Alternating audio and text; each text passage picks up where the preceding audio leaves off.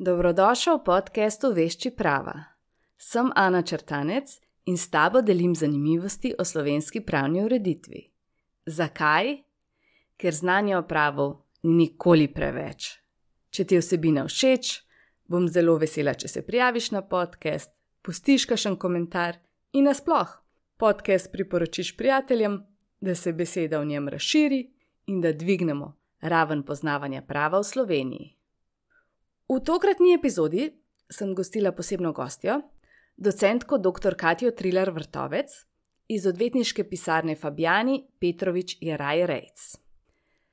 Z gostjo sva spregovorili o zelo aktualni tematiki zdravstvenega prava. Povedala ti bo, kaj sploh obsega in kateri so njegovi pravni viri. Predstavila ti bo pojem zdravstvenih storitev in kdo vse jih lahko zagotavlja. Na to se bova posvetili vprašanju, kdaj se lahko podelijo koncesije za upravljanje zdravstvene dejavnosti, ter kdaj je mogoče, mogoče čezmejno upravljanje zdravstvenih storitev. Povedala ti bo tudi, katere so pravice pacijenta iz zdravstvenega zavarovanja. Na to se bova osredotočili pravicam pacijenta.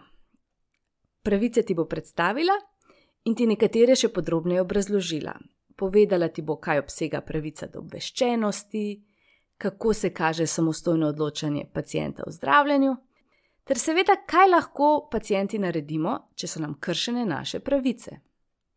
V nadaljevanju bova spregovorila tudi o pogodbi o zdravljenju, kdo, kdaj se jo sklene, kakšne so naše pravice in obveznosti na, na njeni podlagi, ter kaj narediti, če, na, če so nam kršene pravice iz te pogodbe, ter kaj narediti v primeru zdravstvenih napak. Za konec pa bova spregovorila še o svobodnem odločanju o rojstvu otrok, raziskavah na ljudeh ter o darovanju celic in tkiv za presaditev. Uživajo v poslušanju. Lepo zdrav, tokrat je z nami posebna gostja, dr. Katja Triler Vrtovec. Pozdravljena. Pozdravljeni. Povejte mi, kakšna je bila vaša pravna pot? Uh, ja, moja um, pravna pot je bila uh, zelo raznolika. Uh, najprej sem začela kot um, pripravnica na Višjem uh, sodišču v Ljubljani, uh, potem sem delala kot um, uh, strokovna sodelavka na uh, Vrhovnem sodišču v Ljubljani, uh, potem me je pot zanesla na ustavno uh, sodišče, potem sem šla delati v zakonodajno pravno službo uh, v državni zbor, uh, na to sem šla za nekaj časa uh, delati v uh, službo vlade za zakonodajo.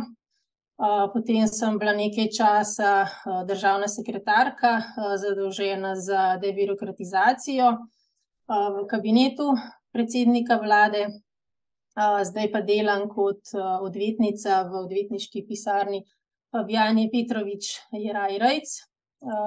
Istočasno pa tudi predavam kot docentka za upravno pravo in javno upravo na Evropski pravni fakulteti Nove univerze, kjer tudi sem nosilka doktorskega študija zdravstvenega prava in da poučujem tudi predmet pravo in politika zdravstvenih sistemov.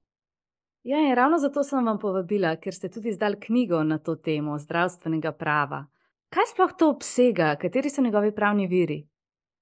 Uh, ja, drži. Uh, pet let nazaj, sem, uh, ko sem pripravljala učni načrt za ta predmet, uh, sem ugotovila, da na področju zdravstvenega prava v Sloveniji pravzaprav nimamo veliko um, gradiva, veliko učbenikov. Zato sem se takrat uh, lotila nekih um, povzetka celotnega slovenskega uh, pravnega, uh, pravne ureditve na področju zdravstva. Uh, v tej knjigi v bistvu na začetku pojasnim, da medicinsko pravo oziroma poslovensko eh, zdravstveno pravo ima dva vidika. Eh, po eni strani eh, obsega razmerja med posamezniki To se pravi, predvsem naprimer, med pacijenti, ki so prejemniki zdravstvenih storitev na eni strani, in zdravniki, ki so, oziroma zdravstvenimi delavci na splošno, ki so ponudniki zdravstvenih storitev. In v tem okviru, naprimer, govorimo o odgovornosti zdravnikov ali pa o odškodninah za zdravniške napake. Potem bolj zanimiv aspekt, sploh v slovenskem prostoru, se mi pa zdi ta javnopravni vidik, kjer je pa na eni strani stoji pacient, ki je nosilec ustavne pravice do zdravstvenega varstva. In na drugi strani stoji država, ki mora v bistvu sprejemati ne samo proaktivne ukrepe za to, da to pravico do zdravstvenega varstva zagotavlja, in zagotavljati mora v bistvu več vidikov te pravice. To je pravico do pravočasnih, do kakovostnih, do cenovno dosegljivih zdravstvenih storitev.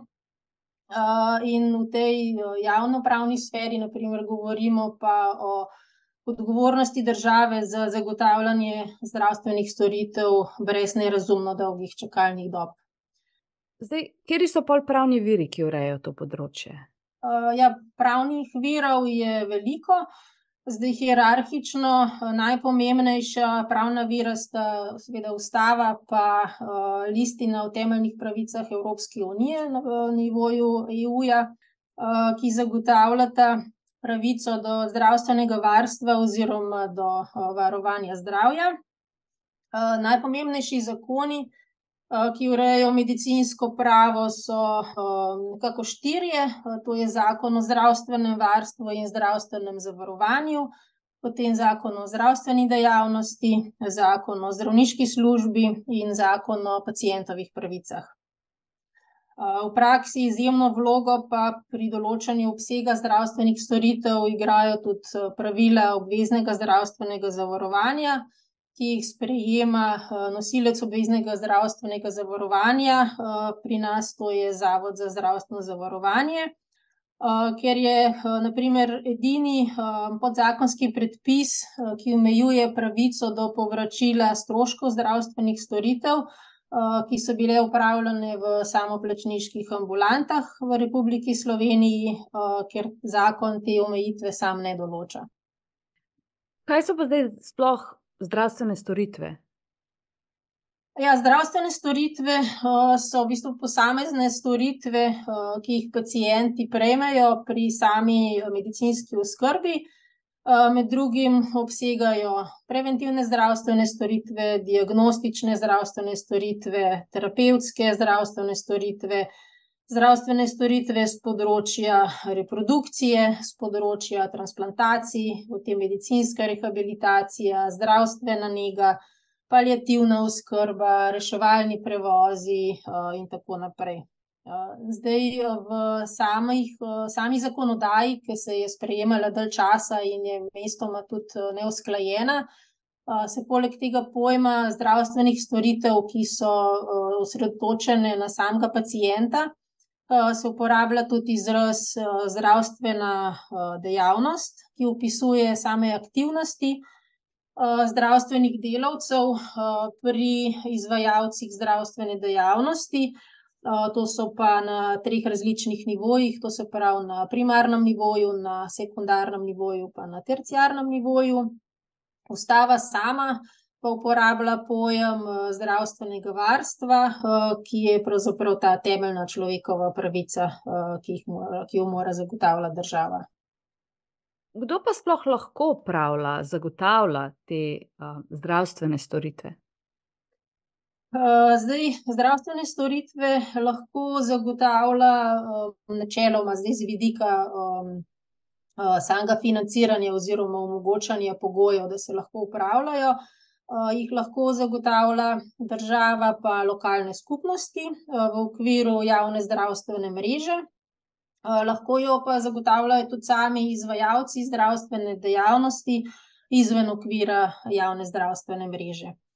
Zdaj v okvir javne zdravstvene mreže na primer spada bolnišnica, ki jo je ustanovila država, lahko pa tudi lahko ambulanta družinske medicine, ki je koncesijo za opravljanje zdravstvene dejavnosti podelila občina v soglasju z Ministrstvom za zdravje. To se pravi, tukaj je treba ločiti, včasih se zdi, da če je nekdo koncesionar, še vedno pa je pravzaprav on zasebnik, ne, še vedno sodi v javno zdravstveno mrežo, ni javna zdravstvena mreža samo javni zdravstveni zavodi, ki jih je ustanovila država ali pa občina. Zakaj se sploh podeljujejo te koncesije? Kaj sploh je to? Ja, koncesije se podeljujejo ravno zato, ker uh, se včasih izkaže, oziroma v Sloveniji je to kar očitno že dalj časa, da uh, javna zdravstvena mreža uh, ne more zagotavljati um, zadostnih, um, zadostnega števila zdravstvenih storitev. Uh, kapacitete uh, v slovenskem zdravstvu so. Um, nižje, tudi eh, število zdravnikov, naprimer v, na, popri, eh, na število prebivalcev, je pod povprečjem EU-ja. Eh, e in v, pri, v primeru storitev, ki so splošnega pomena za družbo, kamor sodijo seveda tudi zdravstvene storitve. Je koncesija eden izmed načinov, s katerim lahko država ali pa lokalna skupnost, to se pravi oblast, trajno pa ne moteno zagotavlja te storitve, ki so pomembne za posameznike. Naprimer, občina lahko z namenom, da zagotovi zdravstvene storitve, ustanovi zdravstveni dom, lahko pa nekemu zasebniku, ki je tak zdravstveni dom že ustanovil, podeli koncesijo. Oziroma, to je pooblastilo, da upravlja javno zdravstveno službo, in ga s tem vključi v javno zdravstveno mrežo. Uh, in na ta način zasebnik postane koncesionar, uh, država ali lokalna skupnost, ki to uh, pooblastilo podeli, se pa imenuje koncedent. Zdaj zakon ima kar dosta podrobno urejeno to področje podeljevanja koncesij in sam pravi, da se koncesija na področju zdravstvene dejavnosti podeli, če koncedent ugotovi, da javni zdravstveni zavod, to se pravi izvajalec zdravstvene dejavnosti, ne more upravljati zdravstvene dejavnosti v obsegu, kot je določen s to mrežo javne zdravstvene službe. Ali pa če ne more sam zagotavljati potrebne dostopnosti do zdravstvenih storitev, Skratka, takrat, kadar se želi razširiti kapacitete javne zdravstvene mreže. Koncesija se podeljuje, podeljuje v postopku javnega razpisa, kjer pa koncedent ugotavlja strokovno usposobljenost, izkušnje pa reference ponudnikov in tudi odgovornih nosilcev zdravstvene dejavnosti in zaposlenih zdravstvenih delavcev.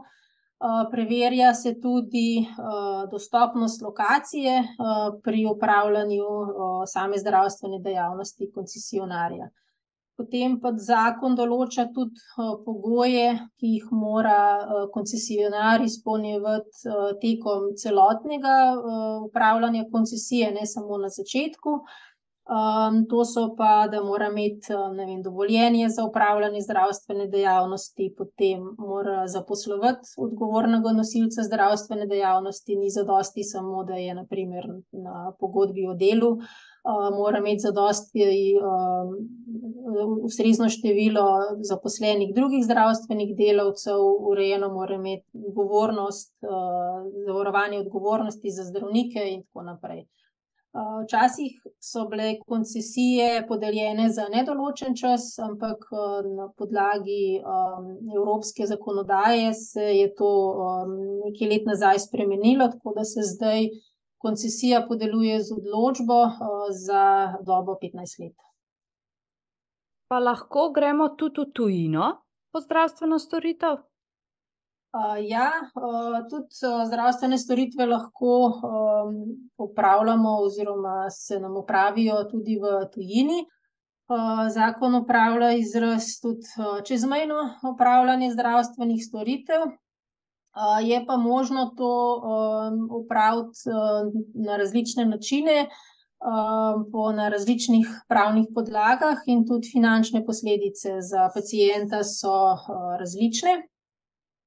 V prvem primeru nam sam zakon o zdravstvenem varstvu in zdravstvenem zavarovanju zdravljenje v tujini omogoča takrat, kadar so možnosti zdravljenja v Sloveniji izčrpane.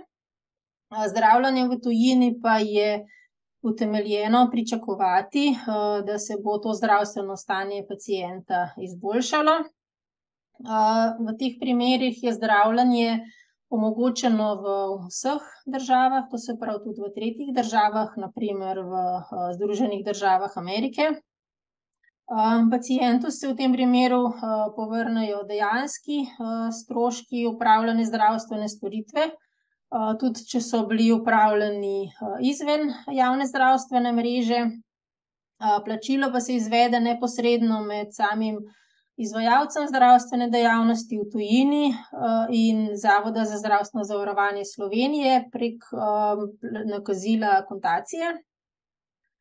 naj omenim, da v zvezi s tem postopkom, pred, Evropskim sodiščem za človekove pravice trenutno potekata dva postopka slovenskih pacientov zoper Slovenijo, ker je zavod, zavrnil povračilo plačane akontacije, iz razloga, ker naj bi to akontacijo pred tem, že plačala neka dobrodelna organizacija, ki je tudi zbirala sredstva za, te, za to zdravstveno storitev. tako da bo zanimivo spremljati, kaj bo rezultat te, te tožbe oziroma pritožbe. potem v drugem primeru, se, lahko čezmejno opravlja zdravstvene storitve, na podlagi neposredno uporabne uredbe o koordinaciji sistemov socialne varnosti. v teh primerih je zdravljenje v tujini omogočeno, kadar je v Sloveniji presežena najdaljša, dopustna čakalna doba. v teh primerih se zdravljenje omogoča, v državah pogodbenicah enotnega gospodarskega prostora. To je v državah članicah, EU-ja, pa tudi na Norveškem, Islandiji, Lichtensteinu in v Švici. pacientu se tukaj povrnejo dejanski stroški storitve, ampak ne več, kot stane storitev v javni zdravstveni mreži v tej državi. Plačilo pa se izvede neposredno med izvajalcem zdravstvene dejavnosti pa zavodom po postopku, ki ga določa, izvedbena uredba te koordinacijske uredbe. potem imamo pa še tretji primer, kjer, gre pa za uveljavljanje, zdravljenja v tujini na podlagi direktive o uveljavljanju pravic pacientov pri čezmejnem zdravstvenem varstvu, kjer je zdravljenje omogočeno na podlagi predhodno izdane napotnice zdravnika ali pa odobritve zavoda. Če imamo napotnico zdravnika, je možno uveljavljati ambulantne specialistične zdravstvene storitve, bolnišnično zdravljenje pa je omogočeno na podlagi predhodne odobritve zavoda. In to takrat, če je glede na razvoj bolezni pa zdravstveno stanje pacienta, za zdravljenje v Sloveniji presežen razumen čas pa še neki drugi pogoji morajo biti izpolnjeni. in v teh primerih je pa omogočeno zdravljenje v državah članicah EU-ja, to se pravi, ne, tudi v državah, EGS. Pa pacientu se povrnejo dejanski stroški, storitve, ne več pa, kot, stane ta storitev povprečno v Sloveniji. zdaj zdravstveno storitev v tem primeru plača pacient sam, zavod pa mu potem, povrne stroške. Tukaj, ste verjetno že velikokrat slišali situacije, kjer, na tej podlagi gre lahko na primer neki pacient na zdravljenje v samoplačniško ambulanto na Hrvaško, pa mu potem zavod povrne stroške, nima pa te pravice, če gre v, zdravstveno storitev opravit v samoplačniško ambulanto v Sloveniji. zdaj na nivoju, primarnega zdravstvenega varstva, lahko tudi dodam, da, zakon, ki implementira, to se pravi ZZVZZ, ki implementira to um, direktivo, uh, ne dopušča povračila stroškov za zdravstvene storitve, ki so bile opravljene v osnovni zdravstveni dejavnosti. To je izredno izključeno, uh, čeprav ta direktiva uh, te omejitve sama ne pozna. In zato komisija že nekaj časa vodi postopek uh, zoper Slovenijo, zaradi nepravilne implementacije uh, direktive v slovenski pravni red. Uh, zdaj, odveč je povdariti, uh, da bi bila uskladitev zakona z direktivo lahko zato tudi eden izmed načinov, kako rešiti težave z dostopnostjo do zdravnikov družinske medicine, s katero se soočamo že dalj časa. Mhm, dejansko, kaj spada med to osnovne to so družinska medicina, um, osebni zdravniki. Um, to se pravi, zdaj, če bi um, po, po direktivi bi bilo naprimer možno, da bi šel pacijent iz Maribora upraviti, um, oziroma da bi imel svojega osebnega zdravnika v Avstriji in bi se mu potem morali to povrniti. Ampak, kot rečeno, tukaj je zakon izredno to omejil. Ja, glede na stanje v državi, ne bi bilo slabo, da bi bilo to možno. Ja. Zdaj, kakšne so sploh pravice pacijenta iz zdravstvenega zavarovanja? Eh, zakon um, o zdravstvenem varstvu in zdravstvenem zavarovanju je zelo jasen, daje nam tri glavne pravice. V 13. členu so naštete, gre pa za pravico do plačila zdravstvenih storitev, potem pravico do nadomestila plače eh, med začasno zadržanostjo od dela in do eh, pravico do povračila potnih stroškov v zvezi z uveljavljanjem zdravstvenih storitev. Eh, zdaj, tukaj bi povdarila, da zakon med pravice iz obveznega zdravstvenega zavarovanja izredno navaja, da gre za pravico do plačila stroškov tukaj ne gre za um, zagotavljanje pravice do um, zdravljenja v naravi, ampak do plačila stroškov. To se pravi, poudarjena je ta uh, vidik izbire pacijenta, da lahko sam izbere, kje bo upravil, zavod mu pa potem povrne uh, stroške za te uh, storitve. Kakšne so pa nasploh pravice pacijenta v samem postopku? Uh, ja, nasplošno uh, pravice pacijentov obsežno ureja zakon o pacijentovih pravicah. Uh, ta v uvodu um, našteva prav cel seznam pacijentovih pravic. Ja, tam je naštetih 14 pravic uh, in sicer gre za uh, pravico do dostopa do zdravstvene obravnave, pa do zagotavljanja preventivnih storitev. Potem uh, imamo pravico do enakopravnega dostopa in obravnave uh, pri, zdravstveni obravna, uh, pri zdravstveni obravnavi, potem pravico do proste izbire zdravnika in izvajalca zdravstvene dejavnosti, pravico do primerne, kakovostne in varne zdravstvene obravnave, pravica do spoštovanja pacijentovega časa, pravica do obveščenosti in sodelovanja pravica do samostojnega odločanja o zdravljenju, pravica do upoštevanja vnaprej izražene volje, pravica do preprečevanja in lajšanja trpljenja, pravica do drugega mnenja, pravica do seznanitve z zdravstveno dokumentacijo, pravica do varstva zasebnosti in varstva osebnih podatkov, pravica do obravnave kršitev pacijentovih pravic in pravica do brezplačne pomoči pri uresničevanju teh vseh naštetih pacijentovih pravic. Se pravi, teh pravic je kar veliko. Ja, zelo jih je veliko. Kako pa v bistvu so pacijenti seznanjeni s temi pravicami, ali jih morajo na začetku obvestiti, ali je sam pač nepoznavanje prava škoduje?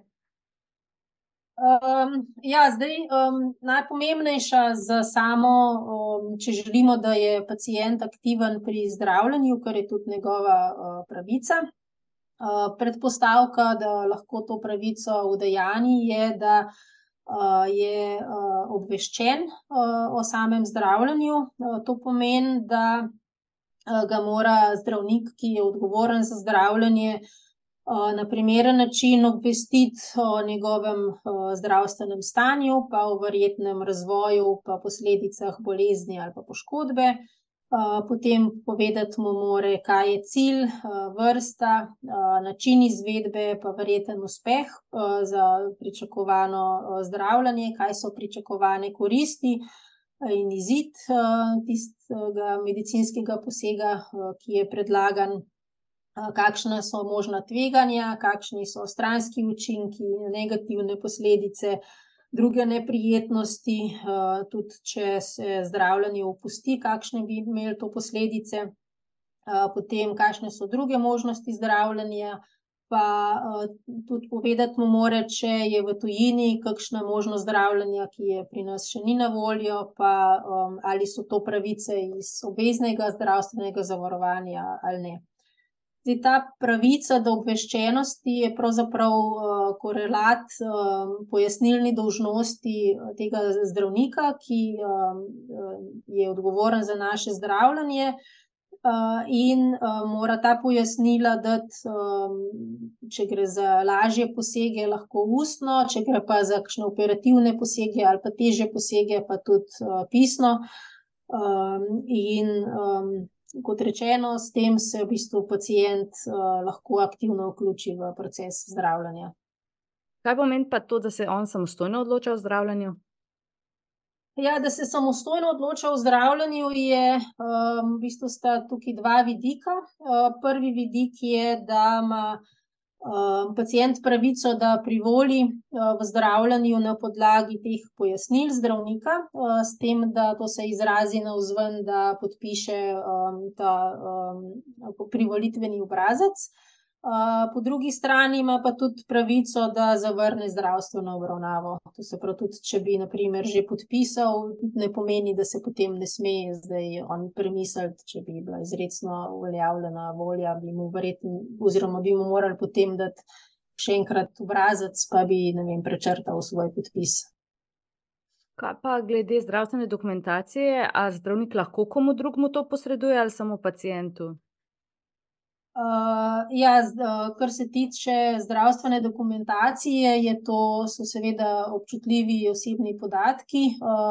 zdravnik to lahko posreduje nekomu, če je to izrecna zakonska podlaga v zakonu ali pa če se pacient s tem strinja.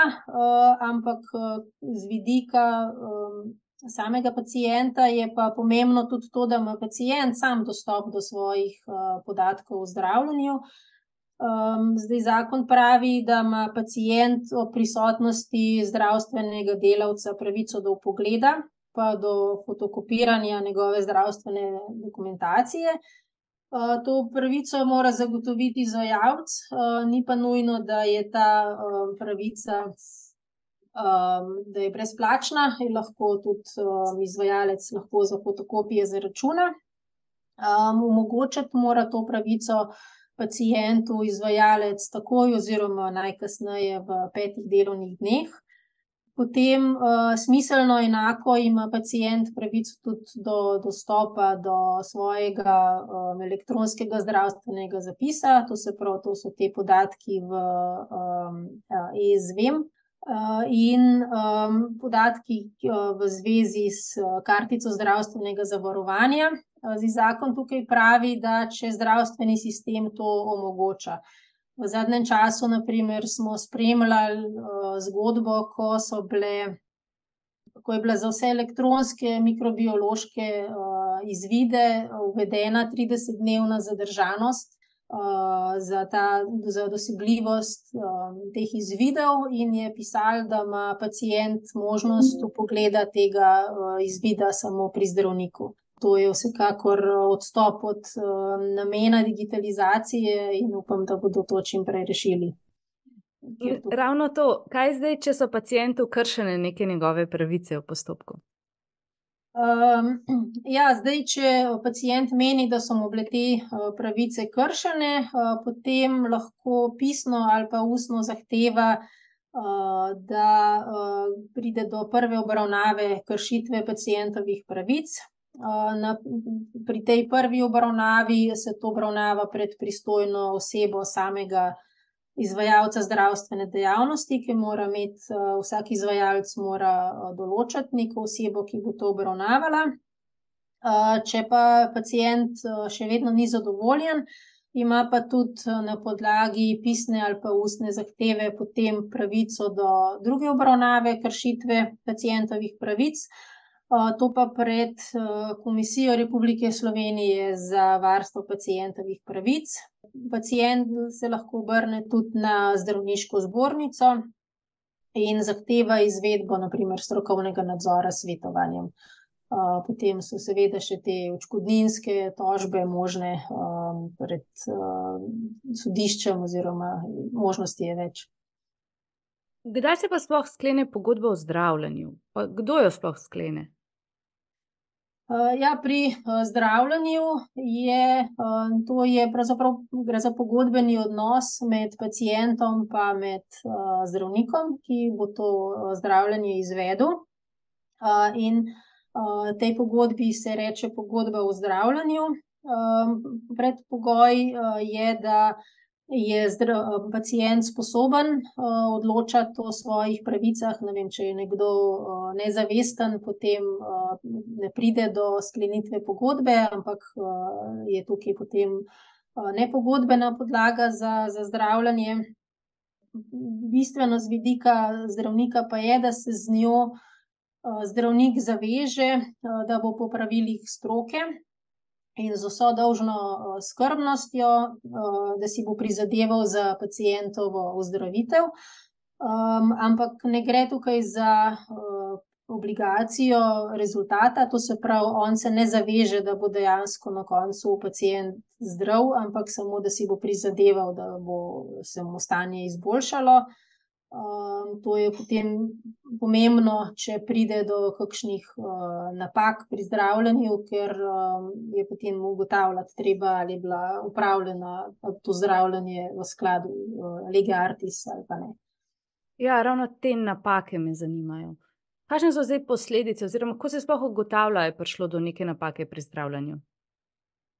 Ja, ugotavljajo se, z izvedenci, potem z vpogledom v, zdravstveni spis oziroma v same, podatke, v, pri zdravniku, ki, so se, ne, v izvide. Lahko se kršitev pogodbe o zdravljenju se običajno izraža na dva načina, lahko gre za kršitev same pojasnilne dolžnosti, da pacientu niso bile predstavljena vsa tveganja, vsi možni zapleti, ali pa da mogoče mu sploh, ni bil dan za podpisati, ta privolitveni obrazec. potem pa še ta, lahko pride pa do kršitve, zdravnikove obveznosti, da bo s, profesionalno skrbnostjo, to se pravi v skladu s pravili stroke pa, medicinske doktrine, etičnimi pravili pa zakonodajo, da si bo prizadeval, doseči izboljšanje zdravstvenega stanja pacienta. zdaj običajno, kot rečeno, kršitev pogodbe o zdravljenju ne pomeni, tudi zaveze, da bo zdravnik dosegel neki rezultat. seveda pa so, izjeme veljajo na primer pri kakšnih lepotnih posegih, pri sterilizaciji, pri splavu, pri zdrtju zoba, kjer je pa lahko zdravnik v teh primerih zavezan tudi, da opravi točno določen rezultat. Verjetno so tudi zavarovani za to, če karkoli narobe naredijo. Ja, seveda, to je, po zakonu obveznost, da, delodajalec sam zavaruje zdravnika za, zavarovanje zdravniške odgovornosti. In, je pač običajno to, ker so tveganja oziroma možnosti, škode, obseg škode je lahko toliko visok, da je to, nujno potrebno.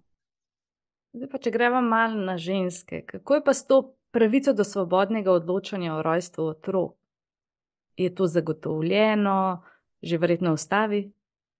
ja, pravica do svobodnega odločanja o rojstvu otrok je že, ustavna pravica, v Sloveniji.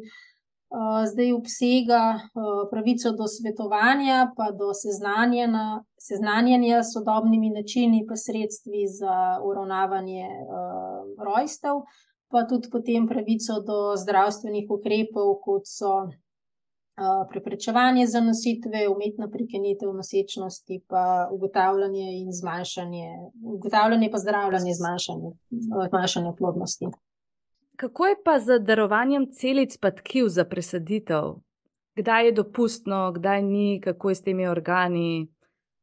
Uh, ja, v Sloveniji je to um, darovanje celic in tkiv uh, za presaditev urejeno z zakonom o presaditvi in presajanju človeških uh, celic in tkiv, uh, ki določa podrobne pogoje in postopke za pridobitev, shranjevanje, presajanje in distribucijo človeških celic in tkiv. Uh, Um, zdaj, v osnovi uh, so um, pogoji za darovanje taki, da mora biti darovanje prostovoljno, da mora biti brezplačno in da je anonimno, in da mora biti tudi zdravstveno stanje darovalca tako, da zagotavlja varnost prejemnika.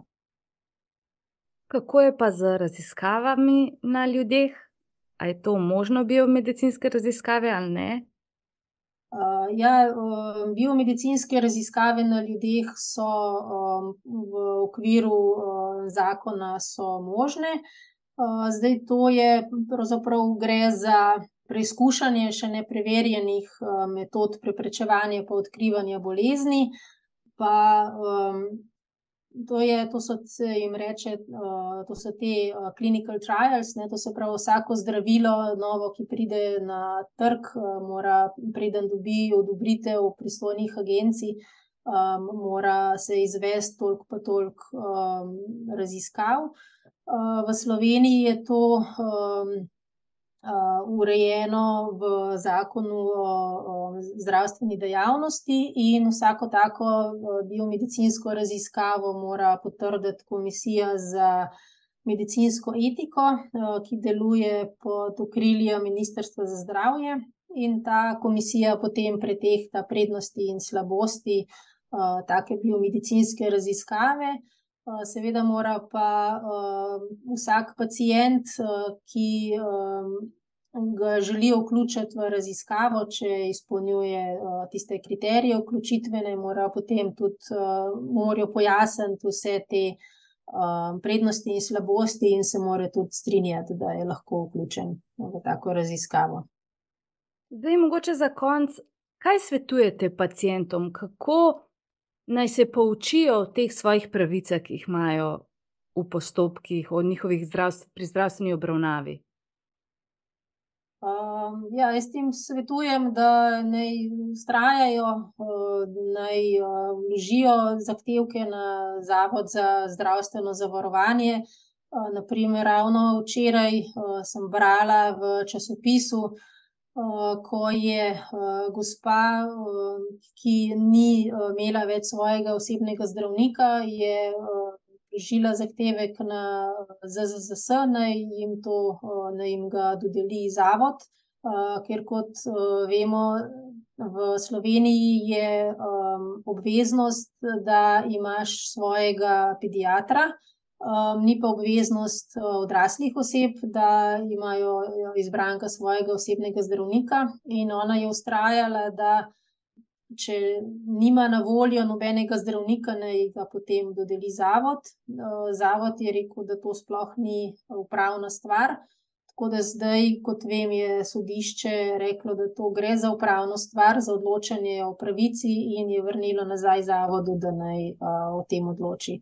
Tako da um, to bi bilo, naprimer, ena izmed uh, možnosti, uh, da bi zavod avtomatično, ki ima pogled nad uh, razpoložljivostjo zdravnikov družinske medicine, uh, da bi vsakmu dodelil osebnega zdravnika. Potem druga možnost je tudi to, da se več koristi možnosti zdravljenja v tujini. Drugače pa, da ostanemo zdravi, to je najbolj, to je najbolj važno. Ja. ja, hvala za ta pogovor. Uh, hvala tudi vam za vabilo. Zdaj se. Dio. Dio.